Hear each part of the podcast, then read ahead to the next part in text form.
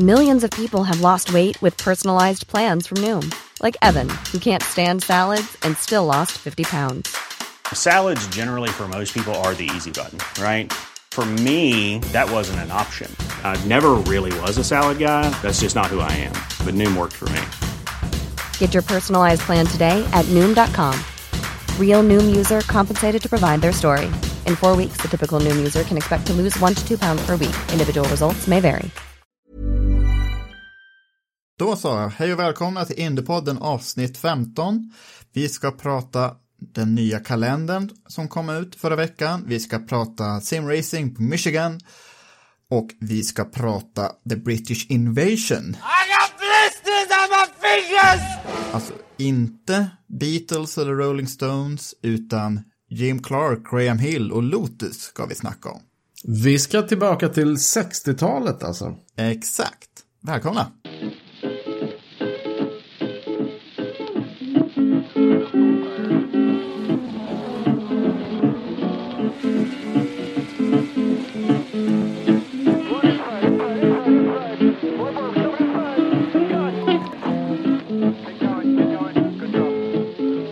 Know where my easy rider gone. Said I wanna know where my easy rider gone. She's an easy rider, you ride not so long. Tittade ni på, på racet eh, båda två i, eh, i helgen eller? I Ja, jag tittat på det live och eh, kvällen innan så hade jag kollat på Joseph Newgardens livestream från träningen och man kan säga att loppet var ett stort kliv upp för alla jämfört med träningen dagen innan. Det var hittills det mest eh, professionella iRacing Indycar-loppet eh, än så länge. Kändes det inte lika professionellt när du tittar på, på träningen? Nej, Eh, det, det märks att de latchar runt en hel del på träningen då. Eh, Men ja, när det väl gäller så tar de, tar de steget. Ja, jag såg ju inte direkt sent, men, eh, men jag har eh, snabbspolat mig genom racet i efterhand. Det har jag. Det är väldigt roligt med ovalrace på eh, virtuella ovalrace när du har fixed setup, alltså alla har samma inställningar på bilen för det blir så, blir så otroligt jämnt. Det blir, de kör ju i packs hela tiden. Det, är ju, det, det händer ju grejer vartenda varv, det är jättekul. Jag, jag följde tidigare under veckan eh, Scott McLaughlins eh, Twitch konto. Så att man kunde se där hur han körde på ovalerna och det är otroligt lugn input han gör liksom. Han är inte och, s- och flackar över hela banan och så utan han håller sin linje och det var också väldigt, det är väldigt roligt att höra hur han har ju en ingenjör och en spotter tror jag som sitter och pratar med honom. I alla fall en spotter.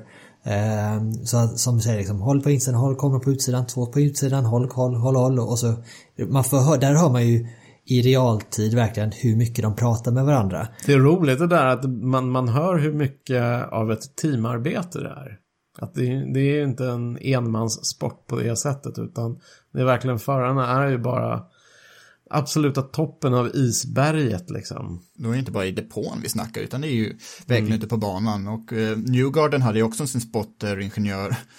Eh, och det var ju verkligen så att de fick hålla koll på saker åt varandra för att ta sig framåt. Och Newgarden både då på träningen som kollade från hans synvinkel och under loppet, han var ju ganska aggressiv när han körde och var ganska irriterad mot slutet av loppet när han råkade hamna ett varv efter och eh, försökte då hjälpa Pagenot och eh, eh, McLaughlin som var uppe i täten att eh, drafta sig och eh, tjäna varvtid på det sättet. Så det är ett rejält teamwork genom hela Penske-organisationen. För att jag antar också att spottarna, de pratar nog sinsemellan.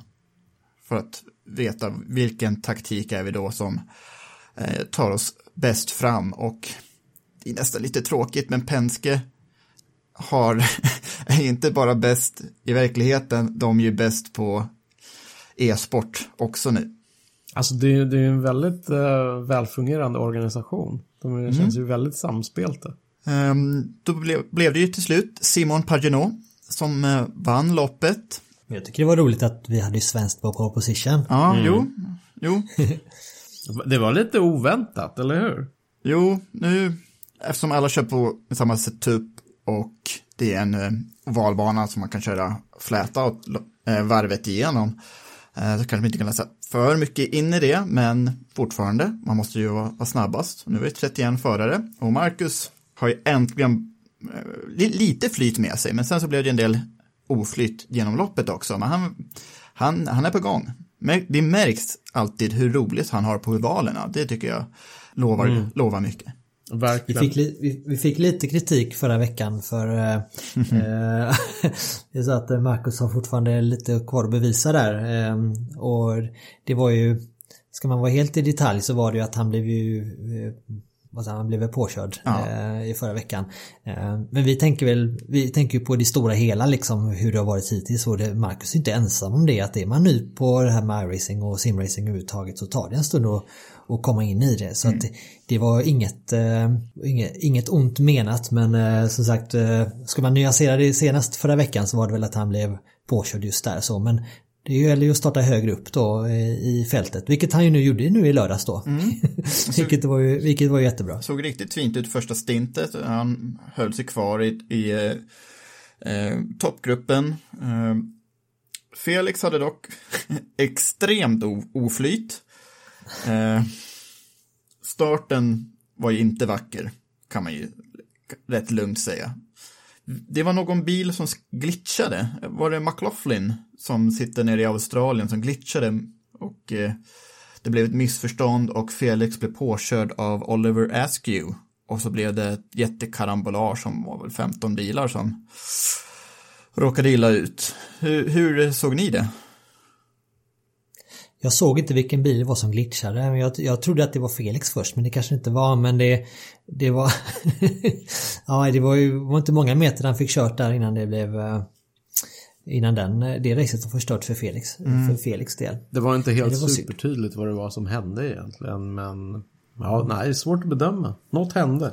Nå, några försökte tjuvstarta eller tjäna lite extra i starten och sen De hade ju ändrat reglerna också lite här nu inför eh, helgens race. Det var ju så att de kör, vi har ju kört så här full course yellow eh, med pace car och så när det har hänt någonting oavsett var på banan det har hänt. Nu den här gången så hade de ändrat det så att såvida inte det var toppbilarna som kraschade så eh, fortsatte man utan eh, safety car.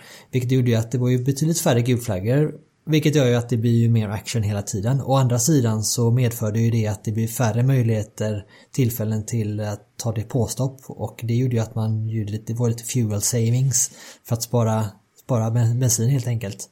Eh, För att ta sig till målflagg då. Eh, Vilket gör ju, förhindrar ju att man kör flat out. Då. Så att det är både positivt och, negativt med det, det beslutet. Men så var det i alla fall. Det gjorde ju att det blev lite bättre flyt i racet. Eh, Paginot var ju den som eh, fick till den strategin bäst eftersom han gjorde ett påstopp på varv tre.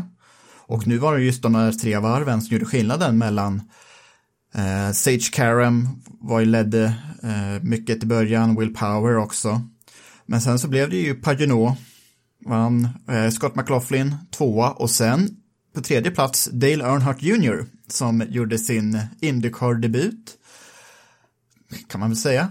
Eh, men han gjorde också depåstopp direkt efter starten och tjänade ju då tre varv på det och han kom trea, sitt första Indycar-lopp. Det tyckte jag var rätt- kul. Och eh, han har nog dragit med sig många Nascar-fans och kolla på, på Indycars iRacing Challenge också. Så det var, eh, jag tyckte det var riktigt kul att, att med Örnhards framgång. Hörrni, det, det får mig att tänka på en grej. Undrar hur framtidens kalenderbitare som älskar statistik och, och sånt där kommer titta tillbaka på säsongen 2020. Undrar om de kommer se det här loppet som hans, eh, som hans Indycar-debut. Ja, eller med Eller Jimmy om- Johnson som har lite riktiga ambitioner. Ja. Ja, vi, vi, får, ja, vi får återkomma. ja, vi får återkomma om om 10, ett år 20, eller så. 30 år. Ja. Kan jag också säga att eh, i eh, natten till eh, idag, alltså natten till tisdag, eh, i svensk tid, så kördes ju ett race till och det var på Texas Motor Speedway. Ytterligare ett ovalrace eh, som arrangerades av sajten speed51.com. Där hade vi ju svenskt på pallen i Felix Rosenqvist. Just det. Nu lovar vi gott inför de nästa officiella eh, Indycar iRacing Challenge-loppen. Och så var det väl Askew som vann. På, Ja, så dubbelt svenskt kan man säga i topp då. ett och ett halvt i alla fall. eh, ja, men det, det är mycket lovande och det gick ju bättre för Marcus där också. Eller, ja, lite mer fart i bilen, mer träning. Eh. Definitivt, jag tittade väldigt, eh, följde dem väldigt noga för både Felix och Marcus låg ju efter varandra eh, och skuggade varandra i åtminstone, ja, runt 20-talet varv tror jag. Så de låg ju som bäst fyra och femma tror jag när de körde tillsammans. Såg jättefint ut. Sen så Marcus blev lite touchad påkörd och gjorde då en eh, kraschade lite då så att han eh, blev eh, 18 eller 19 till slut. Så jag tror inte han tog, tog målflagg där men det såg jättefint ut så länge. Och Felix då som sagt det såg ju riktigt bra ut och han var ju så nära att vinna men eh, det blev en andra plats där. Och bra jobbat.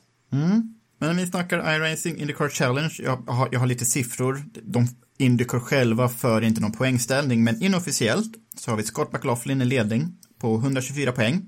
Indycar Rookie, kommer jag räkna det här som hans Indycar debut, eller kommer det bli senare i år? Eh, Will Power tvåa, 109 poäng. Simon Pagenaud har också 109 poäng. Sage Karam som öppnar så starkt med segern på Watkins Glen, han är fyra, 81 poäng. Felix Rosenqvist femma, 78 poäng. Um, sen är det ett hopp till Alex Palou med 63, Ray Hall, Newgarden, Dalton Callet och Santino Ferrucci rundar av topp 10. Marcus Eriksson hittar vi först på, på 25 plats, men eh, det, formkurvan går ju i alla fall uppåt för eh, kära Marcus. Otroligt kul att ha med Felix på en femte plats, topp fem. Det är ju jättebra. Eh, vi är halvvägs igenom redan. Eh, nästa lopp går nu Va, på... Vart har du Dixon på den listan? Eh, Han kanske inte fanns med. av 34 så är Dixon 31. Hmm. Det 19 är, ju, poäng. det är ju... Så Felix utskåpar sina stallkamrater Jo, kan man säga. jo. Än så länge. Men eh, Dixon var inte med på Watkins Glen, han hade ju inget flyt på Barber Nej. och han bröt ju på första varvet nu i Michigan. Så att han är ju liksom en DNS och sen två DNF. Mm. Så, eh. det, det kommer nog också visa sig om, om Dixon kan köra racerbil på dator också. Det kan han. Nej, Dixon är slut. Ja, nej, han kommer nog avrunda karriären nu. Mm. På iRacing. Men han var med på i Texas också här eh, i, eh, i natt då. Så att, eh, men där blev det också en DNF. Ja. Faktiskt. Så att, eh, skitsamma, jag tycker det är jättekul att titta på den här typen av racing också Ja, ja, faktiskt. I brist på annat. Absolut, absolut. Ja. Men nu är det Japan till helgen. Ja, Tvinnring mot Tegi, ovalen, eh, är vi så här 95% säkra på. Där körde man ju Indycar från år 1998 till och med 2011. Sista året körde man på roadcoursen eftersom eh, ovalen skadades efter den här jordbävningen i Japan då, 2011. Men antar att de kör på ovalen nu. Jag tycker, jag tycker det är en väldigt bra eh, ovalbana. Den, har ju, den är ju lika lång som eh, Texas Motor Speedway, en och en halv mile lite drygt. Men den är ganska platt och eh, kurva 1 och 2 är ju mycket öppnare än 3 och 4 så att eh, på karttiden i alla fall i början av 2000-talet fick man lov att bromsa och växla ner inför, inför kurva 3 medan kurva 1 och 2 var flat out. Så det är ganska dynamisk oval som ja, det var ett tag sedan man såg Indybilar köra där, men eh, jag ser fram emot loppet, absolut. Mm. Och det var också på den banan som Danica Patrick tog sin enda Indycar-seger 2008. Det stämmer bra. Kenny Bräck vann där, 2001. Så pass. Ja, så kom man tvåa 2003 i ett lopp som man borde ha vunnit, men ja, det är gamla nyheter.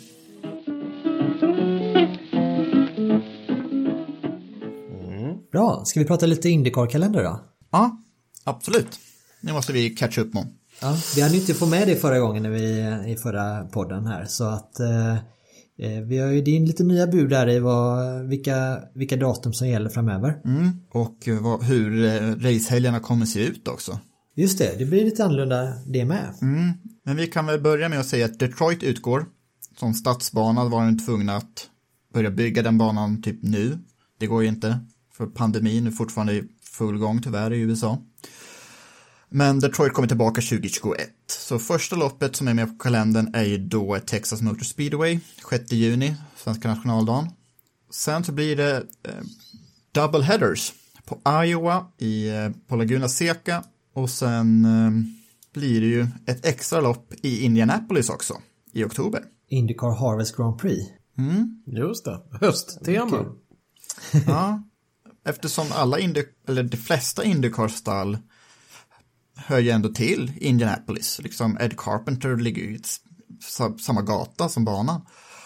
Eh, så då funkar det ganska enkelt att ur det blå arrangera ett extra lopp på Road Course-banan. Och eh, nu kommer de dela banan med eh, ett internationellt GT-lopp i det här Intercontinental GT Challenge som är ett internationellt GT3-lopp. Så banan hade ju en, var ju ändå bokad för den helgen så inga problem med att få in tv-kameror eller eh, funktionärer och så. Så det passar bra med ett tredje lopp på Indianapolis i år. Men vad tror vi då? Kommer det bli någonting? Överhuvudtaget. Ja, kommer detta ändras ytterligare en gång? Ja, ja, det tror jag. Ja, ja, ja jag, jag, jag, jag, or- jag orkar inte tänka i andra banor. Nu, nu, nu är det så här. Annars, annars går jag under om jag ska det, det börja. är klart inte det här kommer funka. Tror jag inte ett skvatt på faktiskt.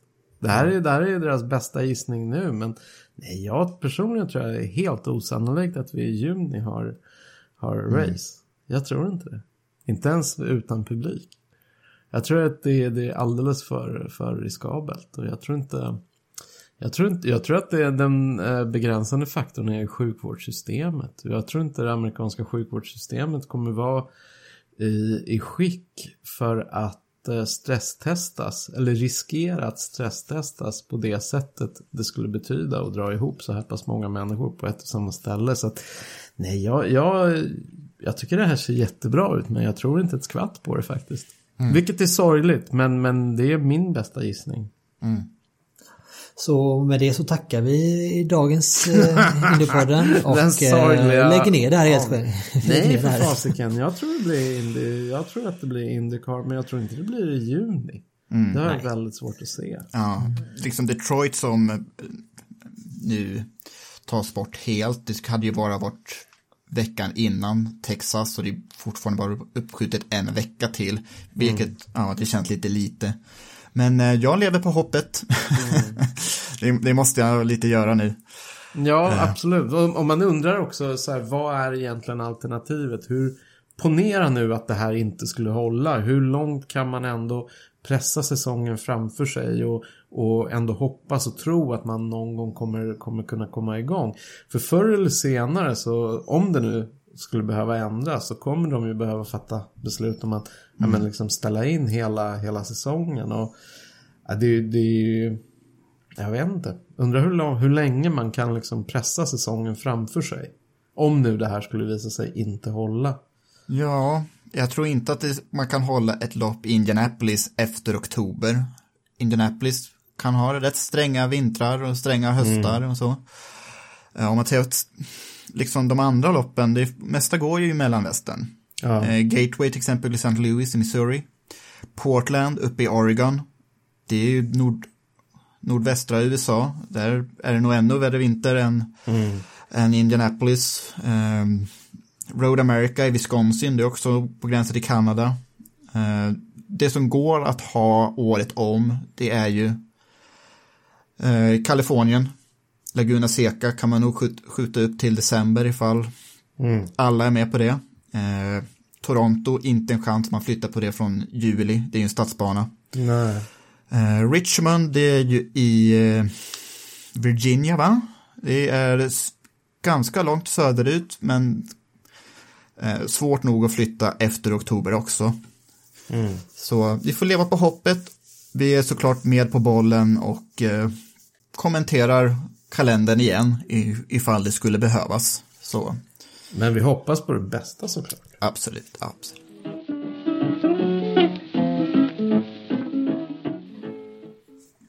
Kan vi inte pigga upp oss lite? Jo, Jo, oh. med, med att titta tillbaks i tiden.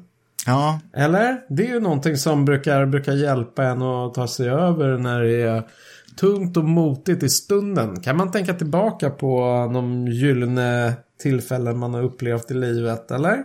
Ja, vi har ju en väldigt rik Indycar-historia också som vi har eh, kämpat oss igenom några avsnitt med. Senast pratade vi om Roadster-eran. Och nu är vi framme vid 60-talet. Ja, The British Invasion, den är ju ganska matig så den... eh, Vi har pratat om att vi ska dela upp den i, i eh, Part 1 och Part 2. Eller Part 1 och Part 2. Ja. Del 1 och del 2. ja. vi gör så då. Eh, Och varför kallades då 60-talet i Indycar för The British Invasion? The British Invasion, då brukar man ju tala om äh, engelsk brittisk popmusik som kom till USA. Men The British Invasion på, på Indianapolis, det kom innan någon ens hade hört talas om The Beatles eller The Kinks. Grejen med början av 60-talet, det var ju att Roadsterbilarna hade det var ju, teknologin hade ju stagnerat. Så efter USAs Grand Prix Formel 1 på Watkins Glen hösten 1960 så tog ju Cooperstallet, som precis hade vunnit VM för andra året i rad med Jack Brabham, eh, de tog sig till Indianapolis bara för att testa sin Formel 1-bil lite på skoj. Eh, den hade väl 100 hästkrafter färre än Roadster Offenhauser-bilarna. Men trots detta så var ju Coopern rätt konkurrenskraftig. Så då bestämde man sig för att anmäla bilen inför nästa års Indy 500.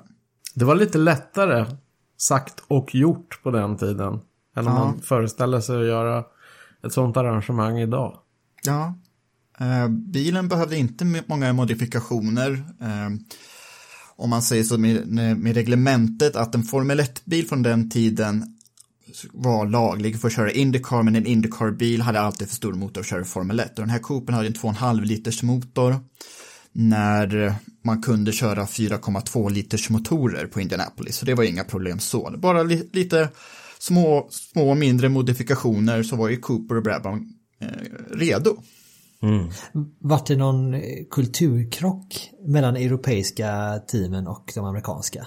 Ja, lite grann. Eh, det sägs att Cooper och Brabham var lite respektlösa mot banan och så och inte brydde sig om traditionerna, att de inte brydde sig om rookie-testet som man måste göra till exempel. Och sen kör de med en grön bil och eh, vidskepliga amerikanerna menar att grön var en otursfärg. Det är klart de körde med grön bil. De var ju britter. British Racing Green. Vad annars skulle de ha kört? Men det där föll inte riktigt i god jord i ett amerikanskt sammanhang. Apropå kulturkrockar. Där hakar de ju upp sig på den här gröna, gröna färgen. Det finns ett så här klassiskt A.J. Foyt-citat om det här. We all think green is a bad color. You don't wear green socks or drive a green hire car. And this guy turns up with a green race car. If that wasn't enough, the son of a bitch had its engine in the back. Så det var så här, den totala förolämpningen liksom. En grön bil med motorn där bak. Det, det, ja. Svårsmält. Men de fick ju, du sa att de fick, eh, fick mer smak här nu efter det här testet då att eh, var det, det är 1961 så blev det alltså mycket resande för eh, Jack Brabham mellan eh, Indianapolis och Monaco Grand Prix som avgjordes samma, samma vecka. Det var inga resvanor, inga resvanor som hade fallit i god jord idag med dagens eh, klimatmål. Nej, eh, Brabham som regerande Formel 1-världsmästare, dubbel världsmästare, han- han ville ju också försöka försvara den titeln. Så Brabham flyger tvärs över Atlanten flera gånger i veckan eh, för att hinna med både kvalet till Indy och Monacos Grand Prix. Så Eh, han tränar på Indy, sen flyger han till Monaco kvalar in där på torsdagen. Kom ihåg att eh, träningen på Monaco börjar alltid på torsdagen även på den tiden. Och sen när eh, Brabham kvalat så gick kvalet till Monaco, flyger han tillbaka till Indianapolis, kör kvalet där på lördagen och sen tillbaka för att köra i Monaco igen på söndagen. Det gick inte jättebra för honom i, i Monaco, men han kvalade in, eh, konkurrenskraftig tid, eh, loppet gick helt okej, Eh, lite långsammare depåstopp, som på den tiden körde man ju inte depåstopp i Formel 1, så teamet var ju väl också rätt trötta. Men nia i mål var fullt godkänt. Så varför inte, det här var liksom en två i vattnet affär, så varför inte göra det här på största allvar, tänkte några. rätt imponerande det där resandet fram och tillbaka på den tiden. Man kan tänka sig att det inte var, inte var jordens mest bekväma flygplan man flög över Atlant Atlanten med och att det inte var lika smidigt att flyga från eh, Monte Carlo till, till Indianapolis som det kanske är idag. Den gav ju mer smak då, men inte från Coopers sida. För de var inte med 1962. Nej, men eh, många andra var ju ändå lite inspirerade av eh, Coopers satsning. Bland annat Dan Gurney, amerikanen som hade gjort sig namn i Formel 1. Eh, han bjöd in Colin Chapman till Indianapolis 1962 bara för att visa vad, vad allt det, det hela handlar om. Eh, Gurney själv gjorde sin Indy-debut också i en bil med motorn bak, men byggd av eh, Mickey Thompson som var mer verksam inom offroad racing och drag racing och hastighetsrekord på land. Gurney kvalade in den här enda aktermotoriserade bilen i fältet. Det var inget jätteproffsigt bygge för Thompson ville alltid ha en experiment, experimentell bil så den hade Buick-motor istället för Offenhauser som alla andra hade. Men Gurney kvalade in som åtta, han bröt men blev, men blev Rookie of the Year. Och Chapman var inte imponerad liksom, över roadsterbilarna, han tyckte att de var dinosaurier och så. Men han såg ju att med en bil som jag bygger, då är det klart att denna Lotus kommer ju skåpa ut de gamla dinosaurierna. Men det kanske är läge där att berätta lite om de största skillnaderna mellan en roadsterbil och en, eh, en bil där man har monterat motorn bak då. Det, det säger sig självt att motor fram, motor bak. Men vad, vad gav det för skillnad rent karaktäristiskt eh, för bilen? Hur, hur förändrades känslan i den här bilen, den nya bilen? Viktfördelningen blir ju en helt annan.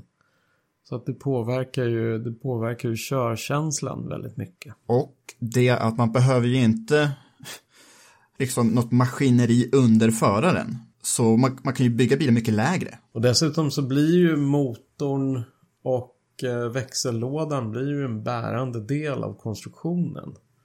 På ett sätt som eh, alltså drivpaketen aldrig var under Roadster-eran.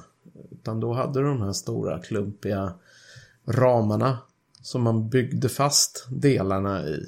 Och det var ju det riktigt stora revolutionära med, med de här bakmotoriserade bilarna som, som han hade utvecklat i Europa först i Formel 1. Det var ju att de blev ju självbärande de här konstru konstruktionerna där motorn och växellådan bar upp en del av sin egen tyngd och sin egen vikt. Och, och, och det i sig bidrog till att man kunde bygga bilarna väldigt mycket lättare och smidigare än eh, Roadster-bilarna. Över 500 miles så kan göra enorm skillnad också. Mm. Så eh, Chapman fick då med sig Ford att bygga en uh, ny Indycar-motor. Så det blev en riktigt fullblodad satsning Lotus och Ford sinsemellan. Uh, så 1963 har Chapman och Lotus byggt, byggt ihop två bilar som anmän, anmäler till Indy 500. Jim Clark kvalar in som femma i sin Lotus och Dan Gurney också med i övre hälften av fältet. Och eh, det här loppet går fantastiskt bra för Lotus. Clark är med och slåss om segern precis hela loppet igenom men slutar till slut som tvåa. Pernelli Jones vann i sin konventionella Watson Roadster, men det här är en väldigt kontroversiell seger, för Jones, Pernelli Jones var en av de mest populära förarna, men han hade ju läckt olja på banan mot slutet av loppet. Så då är frågan, varför blev han inte svartflaggad? Vad, vad, vad tror ni? Om man läcker olja på en bana där man snittar ändå 240 borde man inte bli svartflaggad till slut? Andra förare hade blivit det. Det, liksom, det, det, det tar man för givet att om man läcker olja så blir man svartflaggad. Men det blev inte Pernelli Jones och han vann till slut med eh, lite drygt ett halvt varv före Clark. Du menar att han kan ha varit någon slags amerikansk hemmafavorit och kanske blivit gynnad av att han ja, var amerikan alltså? Men, ja, men betänk dig helgerånet att den grön bil med mm. motorn bakom föraren vinner på sitt första försök på Indianapolis. Mm. Mm. Det hade inte amerikanerna tyckt om. Nej. Men det här var ju egentligen bara en, ett sätt att eh, skjuta upp den, den kommande brittiska succén. För Clark vann ju sedan på, eh, på Milwaukee och Han startade i pole på Trenton senare under, under året så att det här var ju på riktigt den första gången som de här de brittiska bilarna med eh, motorn monterad bak till eh, visade hur vad framtiden skulle eh, resultera i. Ja, så till 1964 då har ju Lotus såklart utvecklat bilen. Eh, fjolårsbilarna har också, också sålts till privatförare och de har ju inspirerat ett eh, gäng andra konstruktörer, bland annat eh, A.J. Watson som byggde Panel Jones vinnande Roadster, byggde också en, en eh, aktermotoriserad bil som Roger Ward, tvåfaldig Indy, 500-vinnare, kvalade in på tredje plats. Och på pole 64 var ju då Clark i sin nya Lotus.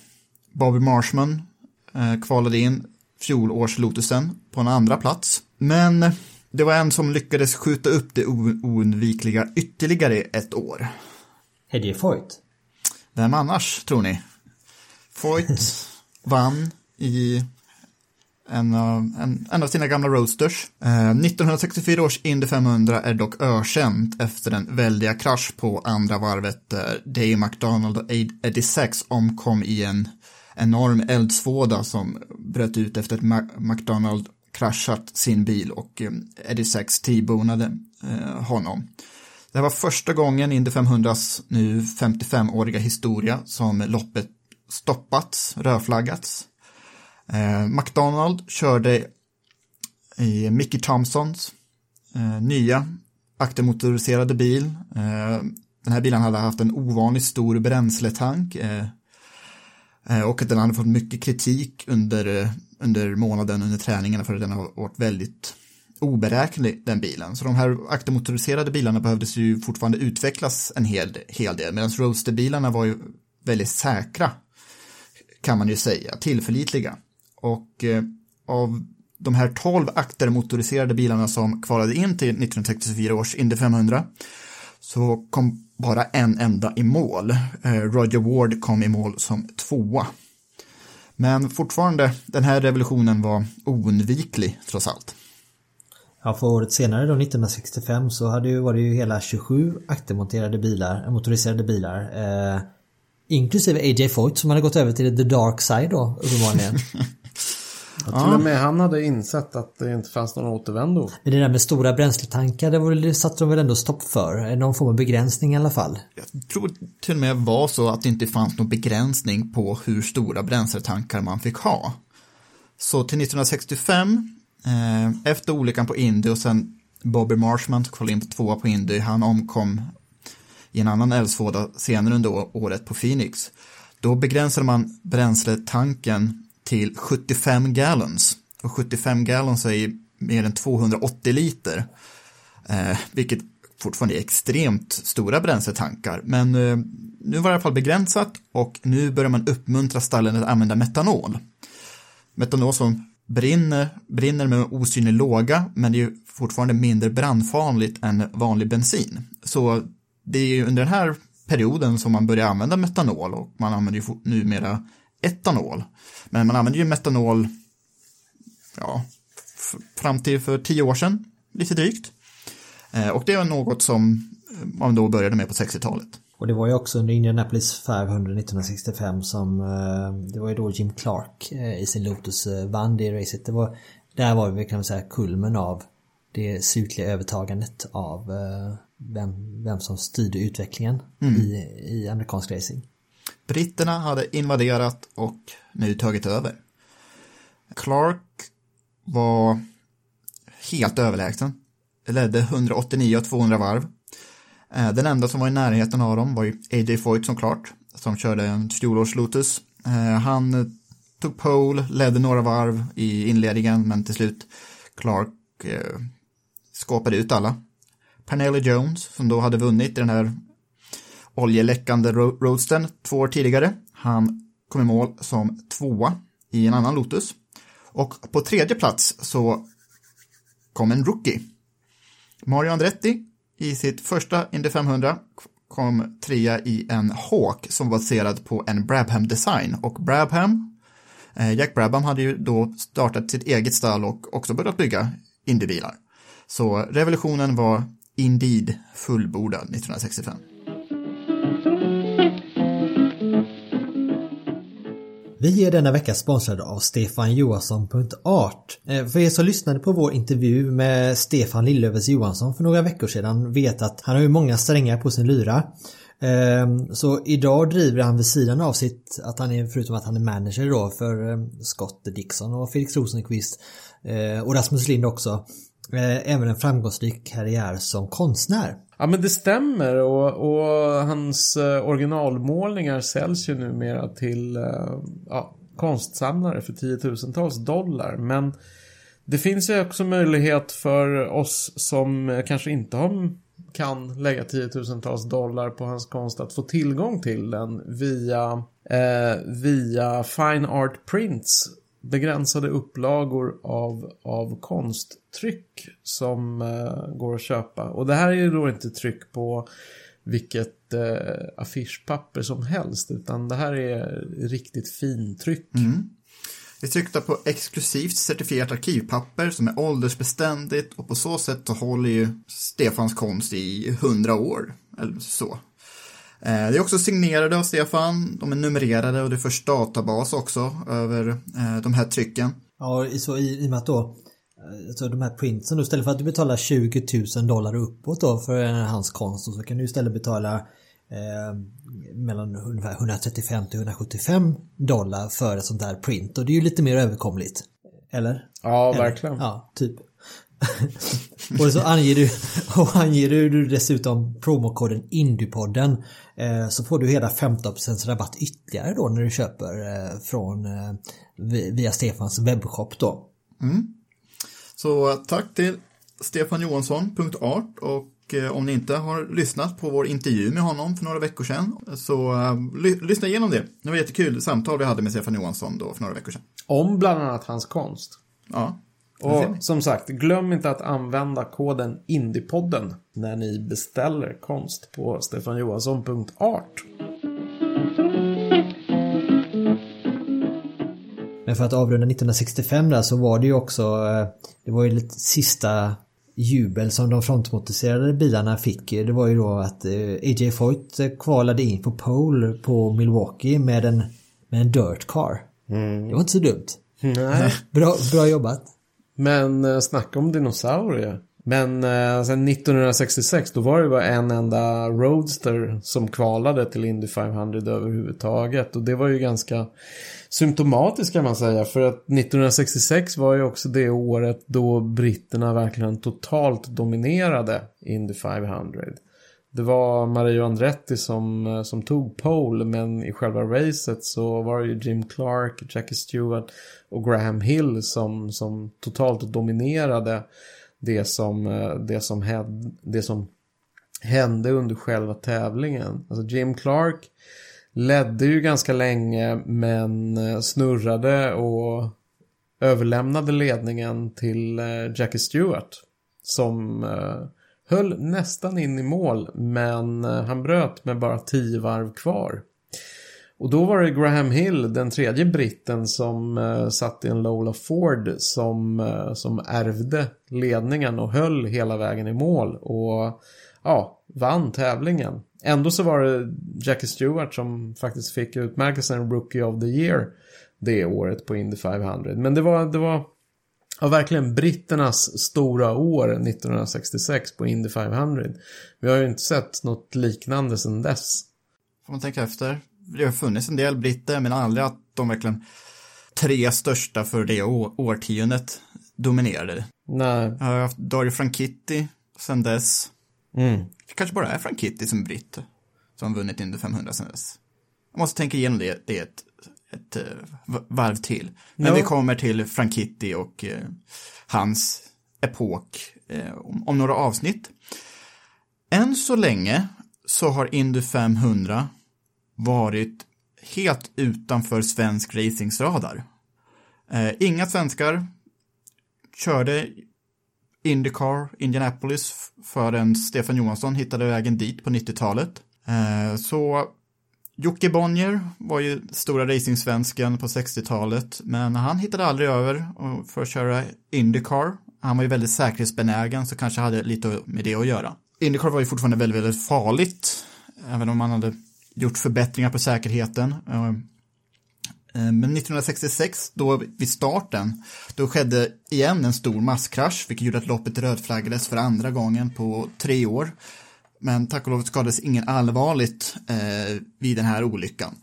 Eh, men A.J. Foyt, som då inte hade turen på sin sida utan blev utslagen i den här stora masskraschen. Hans absolut största rädsla var eld, så man ser bilderna från den här masskraschen så att Foyt parkerar sin bil längs muren och sen klättrar över staketet in till publiken för han var så rädd för att, att metanolen skulle kunna brinna och det skulle vara några osynliga lågor någonstans. Eh, det är ganska också symptomatiskt för den här eran att eh, det är fortfarande väldigt, väldigt farligt. Men det var ett antal otroliga år där verkligen teknologin från att ha stagnerat under 50-talet och sen på 60-talet händer hur mycket som helst. Eh, så britterna verkligen skakade om eh, Indycar på 60-talet och det har inte skett något liknande, liknande någonsin sedan dess. Men som vi kommer att höra längre fram när vi fortsätter prata om, om eh, Indycars historia så kommer det fler epoker eller situationer då europeisk racing har väldigt stort inflytande på vad som händer i amerikansk racing, inte minst i Indycar. Jag tänker på Ja, till exempel Dalaras entré och mm. vissa väldigt välkända bilkonstruktörer som, som har inlett sina karriärer på den andra sidan Atlanten och gjort sig riktigt stora namn innan de sen kommer tillbaka och blivit ännu mer kända i Formel 1 och sådär. Så att även längre fram i Indycar-historien så finns det ju perioder då utbytet, inte minst teknikutbytet mellan Europa och USA är ganska stort och, och påtagligt. Så att ja, det kommer att bli kul att återkomma till längre fram. Och nu är vi framme vid 1967, men då sätter vi ett litet, eh, litet bokmärke där i mm. eh, historien om Indycar. Eh, så tar vi vid eh, där nästa gång för den, The British Invasion fortsätter ju men nu börjar ju amerikanerna kontra här nu med lite med sina egna knep, bland annat turbinmotorer. Just men det, det, det, det, det håller vi lite på så pratar mm. om i nästa gång istället. Vad ska vi mer prata om nästa vecka? Mer e-sport. Just det. Ska vi prata simulator? Ja. ja. Ja, men det gör vi. Nej, men det är bra. Ska vi också, ska vi också öppna upp för lyssnarfrågor om uh, simulatorracing? Absolut. För du har, eller ni två, ni har hållit på jättelänge, är det inte så? Jag har hållit på sedan jag var sex år gammal, typ, kan man okay. säga. nej, jag kom Ronny på, då? Som, ja. ja. nej, jag har ju varit lite periodare så. Eh, man kan väl säga att jag har kommit igång lite lite mer seriöst eh, på det senaste halvåret kan man säga. Så men jag hade en litet eh, hade en period för några år sedan när jag, där jag kan man säga började med det men jag blev aldrig bra på det. Men okay. nu känns det som att det är det är läge att bli, satt, köra mer på riktigt så. Mm. så att, eh, men det var en jättebra idé att vi, vi pratar simracing i nästa avsnitt eh, och även den tekniska sidan då för er som vill komma igång med det. Vad behöver man för, för specifikationer på datorn? Vad, vad får man för vad man betalar för? Hur är det med vilken monitor ska man välja? Vilken plattform ska man köra? Går det att köra på Playstation? Ska man köra med vilken ratt som helst? Kan man köra med handkontroller? Mm. Det är allt möjligt. Så att skicka in era frågor via våra sociala medier och eller mejla in eh, till podcast eh, så ska vi besvara så allt så gott det går bara. Mm. Jättebra idé. Vi ska väl säga tack också till Automotorsport som vår samarbetspartner med att få ut Indiepodden. Eh, och tacka alla våra lyssnare och alla som uppskattar vårt snack. Tack för idag hörni. Tack. Tack, tack, hej.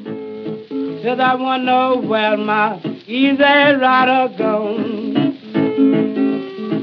Cause I know where my easy rider gone. She's a easy rider, but do ride hard so long.